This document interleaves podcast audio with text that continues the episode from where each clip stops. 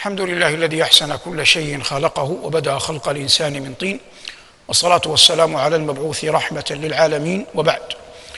فلقاء اليوم أو درس اليوم عنوانه لا تخاف دركا ولا تخشى. وهذا آخر آية في سورة طه. قال الله عز وجل فيها ولقد أوحينا إلى موسى أن أسر بعبادي فاضرب لهم طريقا في البحر يبسا لا تخاف دركا ولا تخشى. وهذا الوحي الإلهي لهذا النبي الكريم. جاء بعد أن بذل موسى عليه السلام وأخوه هارون ما شاء الله لهما ان يبذلاه في سبيل دعوة فرعون بدءا من قدومهما إليه وانتهاء بتلك الآيات التي كانت تظهر لفرعون وآله فلم يلتفتوا إليها. حتى أمر الله عز وجل نبيه موسى بن عمران أن يخرج من بأن يخرج ببني إسرائيل من أرض مصر. قال الله ولقد أوحينا. الوحي أعظم خصائص الأنبياء. الوحي أعظم خصائص الأنبياء. وبه أصبحوا أصبحوا أنبياء. وبه كذلك أصبحوا رسلا. وله طرائق. إما عن واسطة الملك أو ينفث في الروع أو أن يكلم الله ذلك النبي من وراء حجاب. وهذه منازل الأخيرة منزلة عالية ليس كل أحد يؤتاها يقول رب العزة ولقد أوحينا إلى موسى. موسى ابن عمران أحد أنبياء بني إسرائيل. بنو إسرائيل دخلوا مصر دخلها يعقوب في زمن ابنه يوسف وكان يوسف نبيا ورسولا وكذلك يعقوب. فدخلها يعقوب ومعه بنوه ثم تكاثروا حتى أصبح لهم سواد عظيم في أرض مصر. تعاقبت الدول على حكم مصر حتى آل الأمر إلى القبطيين. في زمن موسى عليه السلام قبيل موسى كان بنو إسرائيل مستعبدين من قبل أقباط مصر وكانوا يعملون في البيوت وينالهم من الأذى ما ينالهم. لأجل ذلك تفقه الآية إذا فقهت هذا التاريخ. ولقد أوحينا إلى موسى أن أسري السرى السير ليلا. قال ربنا سبحان الذي أسرى بعبده ليلا من المسجد الحرام. المتنبي يقول تركت السرى خلفي لمن قل ماله وأنعلت وأنعلت أفراسي بكذا عس بنعماك عسجدا العسجد عين سين جيم دال الذهب. وهذا أمر لا نزاع فيه أن السوره مراد به الليل. ولقد أوحينا إلى موسى أن أسري بمن؟ ما قال الله ببني إسرائيل؟ قال بعبادي. قول الله عز وجل بعبادي يشعرهم أن عبوديتهم للقبط ستنتهي. لأن قول الله عز وجل بعبادي إضافة تشريف إضافة تشريف. وفيها إشعار لبني إسرائيل أن ذلك الزمن من الذل قد انتهى. وأنهم صبروا فجعلهم الله عز وجل أورثهم الله الأرض وقال عنهم ولقد اخترناهم على علم على على العالمين. فالله عز وجل فضلهم لكنهم بعد ذلك لم يحسنوا شكر هذه النعمة ولم يقوموا بها. لكن نحن نتكلم الآن عن أول الأمر. ولقد أوحينا إلى موسى أن أسري بعبادي.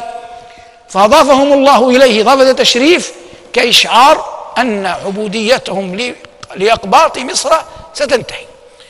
فاضرب لهم طريقا في البحر يبسا. طريقا والبحر يبسا.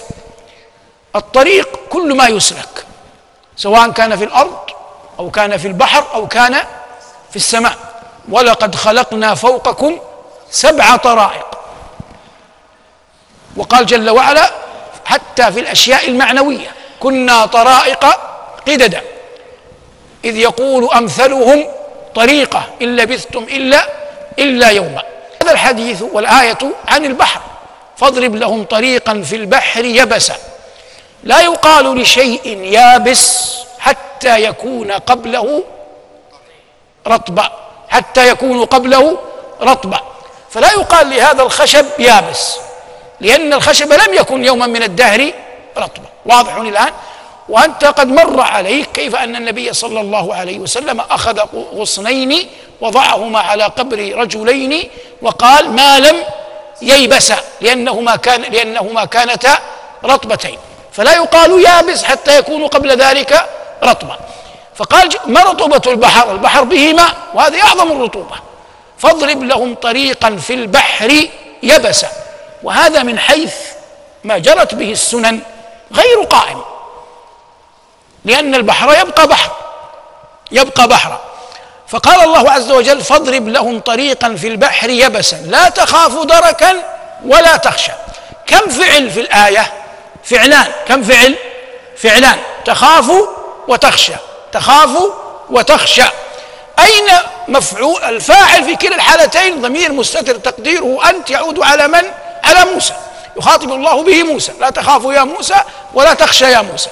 لكن أين المفعول به؟ المفعول به الأول لتخاف يعني الفعل الأول تخاف مفعوله ماذا؟ دركا يعني لا تخاف أنت دركا. دركا من من؟ من فرعون لأن فرعون كان يتبع موسى فهو واحد من اثنين إما أن يدركه وإما أن لا يدركه. ما الذي يخافه موسى ومن معه؟ أن يدركهم فرعون. فالله رزقهم الأمان وأعطى نبيه قولا قاطعا أن فرعون لن يدرككم. ولذلك لما قال أصحاب موسى إنا لمدركون ماذا قال موسى؟ قال كلا. لماذا قال كلا؟ لأن الله قال له لا تخافوا دركا. واضح الآن؟ لكن أين مفعول تخشى؟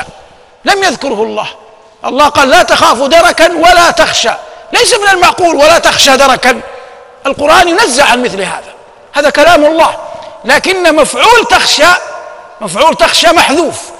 كيف محذوف؟ محذوف لأن السياق يدل عليه السياق يدل عليه وستأتون به أنتم إن شاء الله. الآن موسى ذاهب إلى البحر ذاهب إلى جهة البحر شرق مصر البحر الأحمر شرق مصر وفرعون خلفه فهو بالنسبة لفرعون يخاف أن يدركه فرعون. فالله يقول له لا تخافوا دركا يعني اطمئن لن يدركك فرعون. هذا الذي يخاف من ورائه وهو فرعون وجنده. لكن إنسان قادم على البحر مما يخاف من الغرق. يخاف من ماذا؟ من الغرق. فالله عز وجل يقول له لا تخاف دركا ولا تخشى غرقا. لا تخاف دركا ولا تخشى غرقا. هذا معنى الآية. فاضرب لهم طريقا في البحر يبسا. لا تخاف دركا ولا ولا تخشى يعني ولا تخشى غرقا. فلما قال الله عز وجل لنبيه موسى وموسى يعلم أن هذا وحي من الله ليست أحاديث سمار. قال له ولا تخشى غرقا. فلن يتردد موسى في أن يمشي على على البحر لأن الله أخبره يقينا أنه لن يغرق. وما دام الله عز وجل أخبره أنه لن يغرق فلن يغرق موسى. قال الله عز وجل فاضرب لهم طريقا في البحر يبسا لا تخاف دركا ولا تخشى. أي ولا تخشى غرقا. قال الله فأتبعهم فرعون بجنوده فغشيهم من اليم ما غشيهم. الله تكفل لموسى أن ينجو ولم يتكفل لفرعون أن أن ينجو. بل أغرقه الله هذا مر معنا كثيرا. فغشيهم من اليم ما غشيهم وأضل فرعون قومه وما وما هدى. نأتي الآن لمفردة الطريق مفردة طريق ونتحدث عن الطريق في حياتنا اليوم. النبي عليه الصلاة والسلام قال إياكم والجلوس في الطرقات. قالوا يا رسول الله مجالسنا ولا بد لنا منها. قال فإذا أبيتم فأعطوا الطريق حقه. قال وما كف وما حق قالوا وما حقه؟ قال كف الأذى وغض البصر. وذكر صلى الله عليه وسلم ما ينبغي على المؤمن أن يكون عليه حال وقوفه في الطريق. هذه الطرقات ليست لي ولا لك. جعلت للسلوك. للسلوك بمعنى يعني يسلكها الناس يمضون. فلا ينبغي لأحد أن يتعرض للناس فيها. حتى إن أبا يعلى الحنبلي الفراء صاحب كتاب الأحكام السلطانية ذكر في كتابه هذا عن الإمام أحمد رحمه الله الإمام المشهور أنه لا يجب على ولي الأمر أن يبقي, أن يبقي الطرقات للسلوك حتى لو أن أحدا بنى مسجدا في تلك في ذلكم الطريق وسط الطريق يهدمه ولي الأمر. ويعاقب ذلك الذي بناه. لأن الطرق إنما وضعت لأن يسلكها الناس. لا للأبنية. وضعت لماذا؟ لأن يسلكها الناس لا لل لا للأبنية. والقرآن يدل على هذا. والقرآن يدل على هذا. سليمان عليه السلام كان ماضيا في جنده. ماذا قالت النملة؟ وقالت نملة يا أيها النمل ادخلوا مساكنكم. لا يحطمنكم سليمان وجنوده وهم لا يشعرون. لا تتعرضوا لهم؟ لأنهم ماضون في طريقهم. فإن أنتم خرجتم ليس عليهم وزر ولا ذنب إن وطؤوكم. لكن أبقوا في مساكنكم ولا تتعرضوا لهم في الطريق. فالطريق حق لسالكه حق لمن؟ لسالكه. فهذا ما يتعلق بالأشياء المحسوسة التي ينبغي أن يحفظ الطريق عنها أو الأشياء المعنوية للأذى للناس. كما أن يعني يحصل من بعض الجهات المسؤولة أنها تضع طريقا للمشاة. وجرت عادة الناس أنهم لأمور صحية يمشون فيها. فينبغي أن تبقى هذه الأمور على حالها ولا يأتيها فتية أو فتيان لأمور أخرى ولا أن تشغل بما يعلن فيه المنكر. فإن الأصل أنها وضعت لأشياء صحية يحتاجها الناس فلا حرج تبقى طرقا مسلوكة. لا أن يأتيها من يريد أن يحدث فيها منكرا أو يكون في لباسه بعيدا عن الحشمة أو في كلامه بعيدا عن اللين أو أو كما لا يخفى على شريف علمكم. وهذا مقام مسجد لا يقال فيه كل كلام مبتذل لكن المقصود إيضاح الحقائق للناس. نعود عودا على بدء الآية ولقد أوحينا إلى موسى أن أسر بعبادي فاضرب لهم طريقا في البحر يبسا لا تخاف دركا ولا تخشى فأتبعهم فرعون وجنوده فغشيهم من اليم ما غشيهم وأضل فرعون قومه وما هدى. جعل الله البحر نجاة لموسى. وجعل الله البحر نفسه غرقا لمن؟ فرعون. فالجند في كلا الحالتين هو البحر. به نجى الله موسى وبه وفيه أغرق الله جل وعلا فرعون. فالأمور كلها بيديه تبارك اسمه وجل ثناؤه له مقاليد السماوات والأرض وهو يبين لك منزلة موسى عند الله. كلما عظمت الآية دل ذلك على كرامة هذا النبي الذي أعطي هذه الآية. الآية بمعنى المعجزة. كلما عظمت الآية دل ذلك على كرامة هذا النبي الذي أعطي تلك تلك الآية. والله عز وجل أعطى نبينا حبيبنا شفيعنا عليه الصلاة والسلام أعطاه القرآن.